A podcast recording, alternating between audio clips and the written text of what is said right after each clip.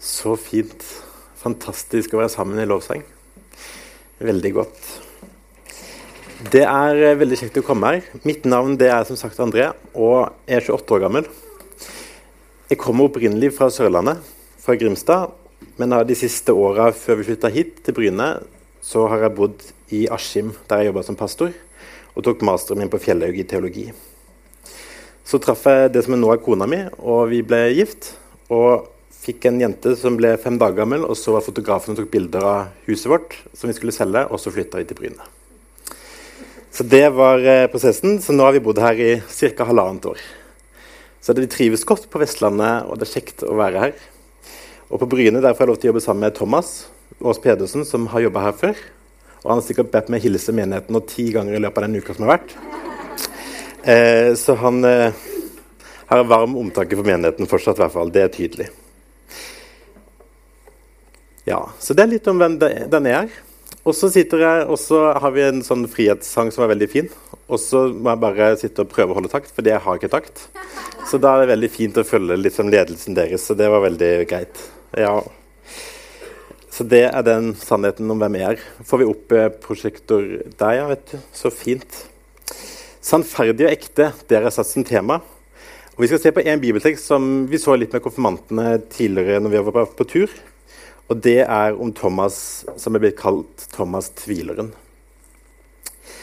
Men før vi begynner å se på Thomas rykter og meninger, det vil jeg påstå er noe som har prega og preger samfunnet vårt i 2021. På sosiale medier så er vi rivende gode på å fremme hen dette er det jeg mener, dette er sånn det skal være, dette er sannheten, og jeg vet best, og alle de andre tar feil. Vi kan stemple folk, mørkemenn, liberale, konservative, naive, idiot, håpløs. Vi har ganske mange merkelapper vi gir til hverandre. Og Facebook er eksperter på å vite hva du mener, og legge ut artikler som du er enig i, for å fremme enda mer av de holdningene. Og Vi kommer fra forskjellige sammenhenger og forskjellige plasser.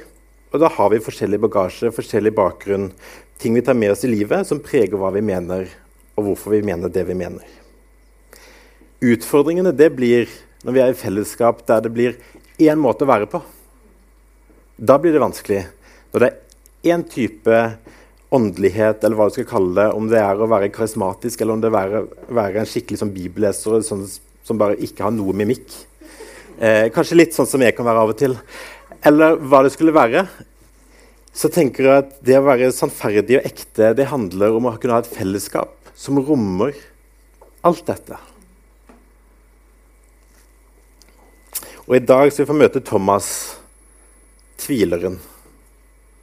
Jeg vet ikke hva du tenker hvis du bare kjenner på de ordene der, og hvor godt han er stempla allerede som Thomas tvileren. Det er noe galt. Han er putta i den båsen der. Sånn skal du ikke være. Vi skal lese teksten, og så kan det være at Jeg håper i hvert fall at det blir et annet syn som kommer fram til slutt. Jeg leser fra Johannes 24 til 31. Thomas en av de tolv, han som ble kalt Tvillingen, var ikke sammen med de andre disiplene da Jesus kom. Vi har sett Herren, sa de til ham, men han sa, dersom jeg ikke får se naglemerkene i hendene hans og får legge fingeren i dem og stikke hånden i siden hans, kan jeg ikke tro. Åtte dager senere var disiplene igjen samlet, og Thomas var sammen med dem. Da kom Jesus mens døren var lukket. Han sto midt iblant dem og sa, 'Fred være med dere'. Så sier han til Thomas, 'Kom med fingeren din, se her er hendene mine.' 'Kom med hånden og stikk den i siden min.' 'Og vær ikke vantro, men troende.' 'Min Herre og min Gud', sa Thomas. Jesus sier til ham, 'Fordi du har sett meg, tror du.' Salige er de som ikke ser, og likevel tror. Jesus gjorde også mange andre tegn for øynene på disiplene, tegn som det ikke er skrevet, skrevet om i denne boken. Men disse er skrevet ned for at dere skal tro at Jesus er Messias, Guds sønn, og for at dere ved troen skal ha liv i hans navn. Jeg ber en bønn. Takk, kjære Gud, for ditt ord. Må det virke i oss. Må du tale til oss i dag. Og må du forme oss etter din vilje. Amen. Jeg må se før jeg kan tro, sier Thomas. Jeg tenker Det må ha vært en superspesiell, kanskje litt sær tid for Thomas. Plutselig så hører han at vennene hans begynner å si at Jesus, han du så bli slakta, han du så bli nagla i hendene, han du så fikk et spyd opp i sida og ble drept, han lever. Vi så han, han sto her i rommet hos oss. Du var der ikke, men vi så det. Jeg vet ikke hva som har gått rundt i ditt hode hvis noen hadde påstått det. Men jeg tenker, i mitt liv så har jeg aldri sett noen som opp fra de døde. Jeg tror jeg hadde vært skeptisk. Thomas jeg tipper han er fortvila. Han, han, er skeptisk. Han klarer ikke å tro på dette her. Jeg tenker Han stilles overfor et valg. Skal han lyve? Skal han late som at han tror på det som de sier? Skal han spille en eller annen rolle? Det sies at makeup er kunsten å administrere et ansikt. Hva skjer når det ikke lenger bare er ansiktet som får en makeup, men når livet generelt får en makeup, hva skjer når relasjonene mine jeg bærer preg av at jeg må ta på meg en, en fasade, en maske, for å passe inn? Hva skjer med fellesskapet? Ja, jeg tror Thomas stilles overfor vanskelige valg. Hvem er han? Hvem skal han være? For dette er hans venner. Men han klarer ikke å være på linje med dem, fordi han er ikke overbevist. Han har ikke sett det. Paulus skriver til menigheten i Korint om å leve med utildekkede ansikter. Han beskriver det som i Gamle Testamentet, der Moses hadde vært oppe hos Gud, fått de ti bud, og det sto at ansiktet hans skinte. Moses var blitt prega av Guds nærvær, og det lyste fram. Alle så det. Men hva gjorde Moses når det begynte å ta av? Når det ikke lenger skinte i ansiktet hans? Han dekka det til med et slør. For han var redd for hva andre skulle mene, hva andre skulle si, da han ikke lenger hadde den glansen. Han dekka det til, han skjulte seg.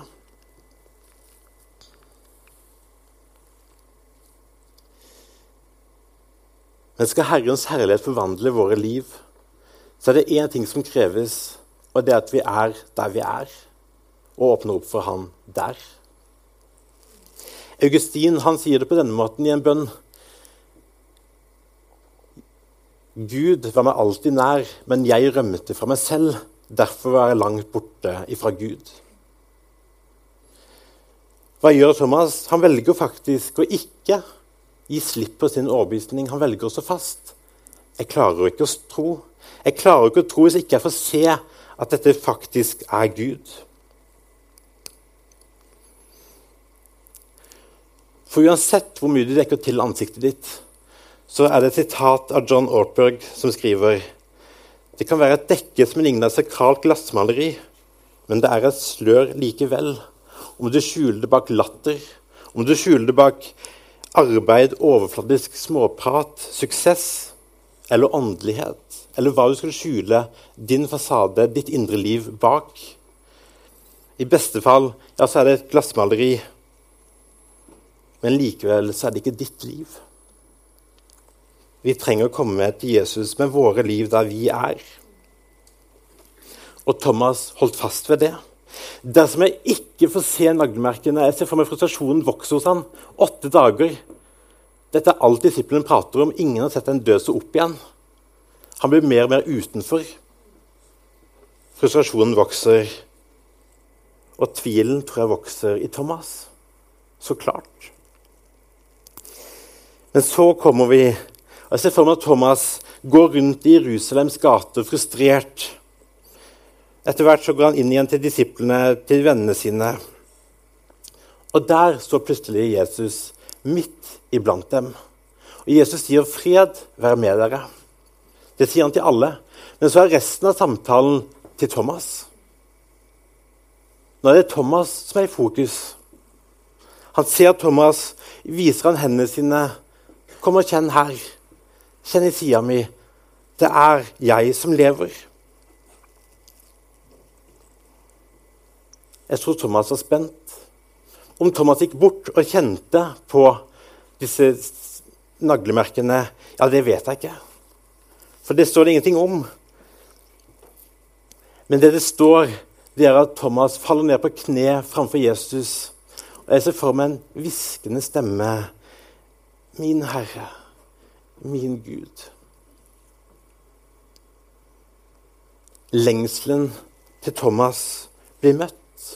Han blir møtt der han er. Han blir omfavna. Han med alle sine spørsmål, all sin tvil. Han blir sett av Jesus.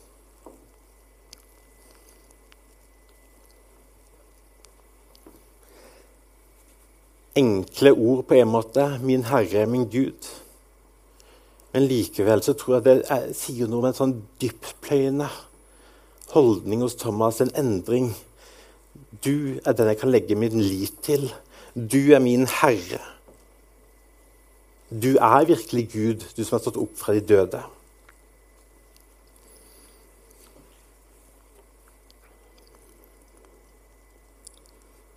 Fly med det glasset vann der.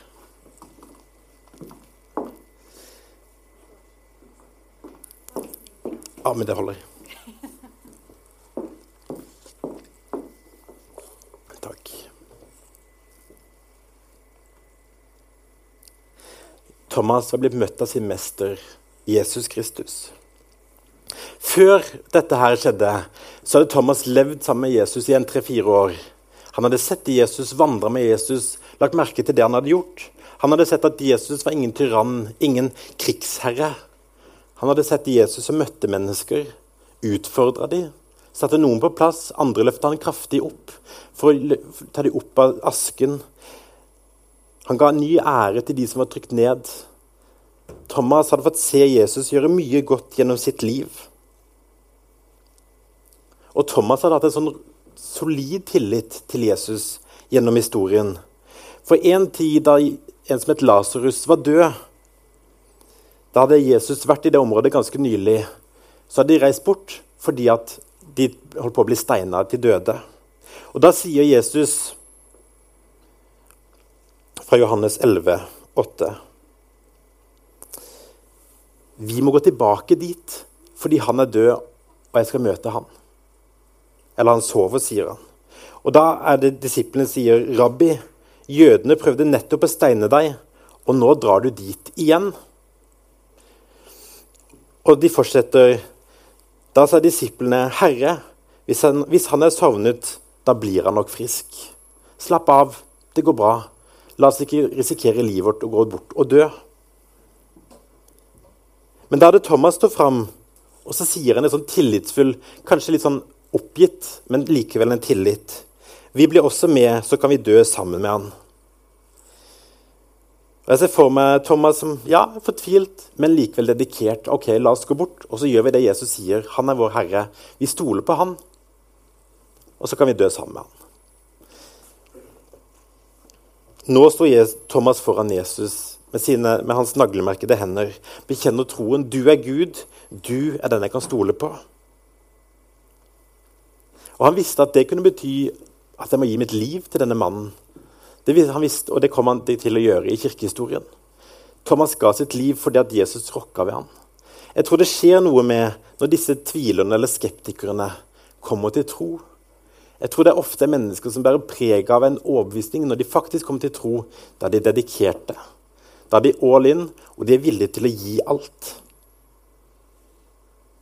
Men Thomas trengte dette møtet med Jesus, og Jesus møter oss der vi er i våre liv. Og så kommer vi til den setningen som kanskje er blitt det som er grunnen til at han blir kalt Thomas tvileren. Fordi Jesus sier 'Fordi du fikk se meg, tror du'. Salig eller lykkelig er de som ikke tror, ikke ser, men likevel tror. Og Hvis vi putter de setningene sammen raskt, da høres det ut som en skikkelig sånn pekefinger til Thomas. Du burde trodd. Men hvis du leser setningen litt roligere, leser det punktumet, og stopper opp Fordi du fikk se meg, tror du. Punktum. Du så meg, og du trodde. Du er mitt barn, Thomas. Du skal leve sammen med meg resten av mitt liv. Jeg leser ikke det som en formaning. Jeg leser det som en glede. Du så meg, og du tror. Og så tror jeg at Jesus vender seg til alle de av oss som ikke skulle leve på den tida da Jesus gikk rundt på jorda. Til alle oss som ikke får se han fysisk kjenne naglemerkene på samme måte, men som ja, får erfare han i dagliglivet vårt, som får ta del i hans liv, men som ikke får den samme synlige bekreftelsen annet enn vitneutsagnet til disse 500 som så han, pluss alle disiplene og alt det som er skrevet. Til oss, lykkelig eller salig er du som ikke ser, men likevel tror.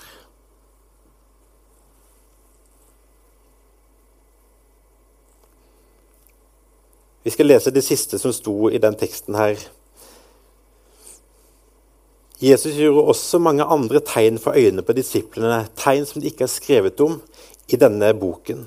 Men disse er skrevet ned for at dere skal tro at Jesus er Messias, Guds sønn, og for at dere ved troen skal ha liv i hans navn. Er denne boka troverdig? Kan vi faktisk tro på det som står her? Eller er dette bare tøys? Paulus sier at hvis Jesus sto opp fra de døde, da er dette troverdig. Hvis Jesus ikke sto opp fra de døde, da er dette tøys og tull. Og helt unyttig. Kan vi da stole på at Jesus sto opp fra de døde? Ja, er mitt svar.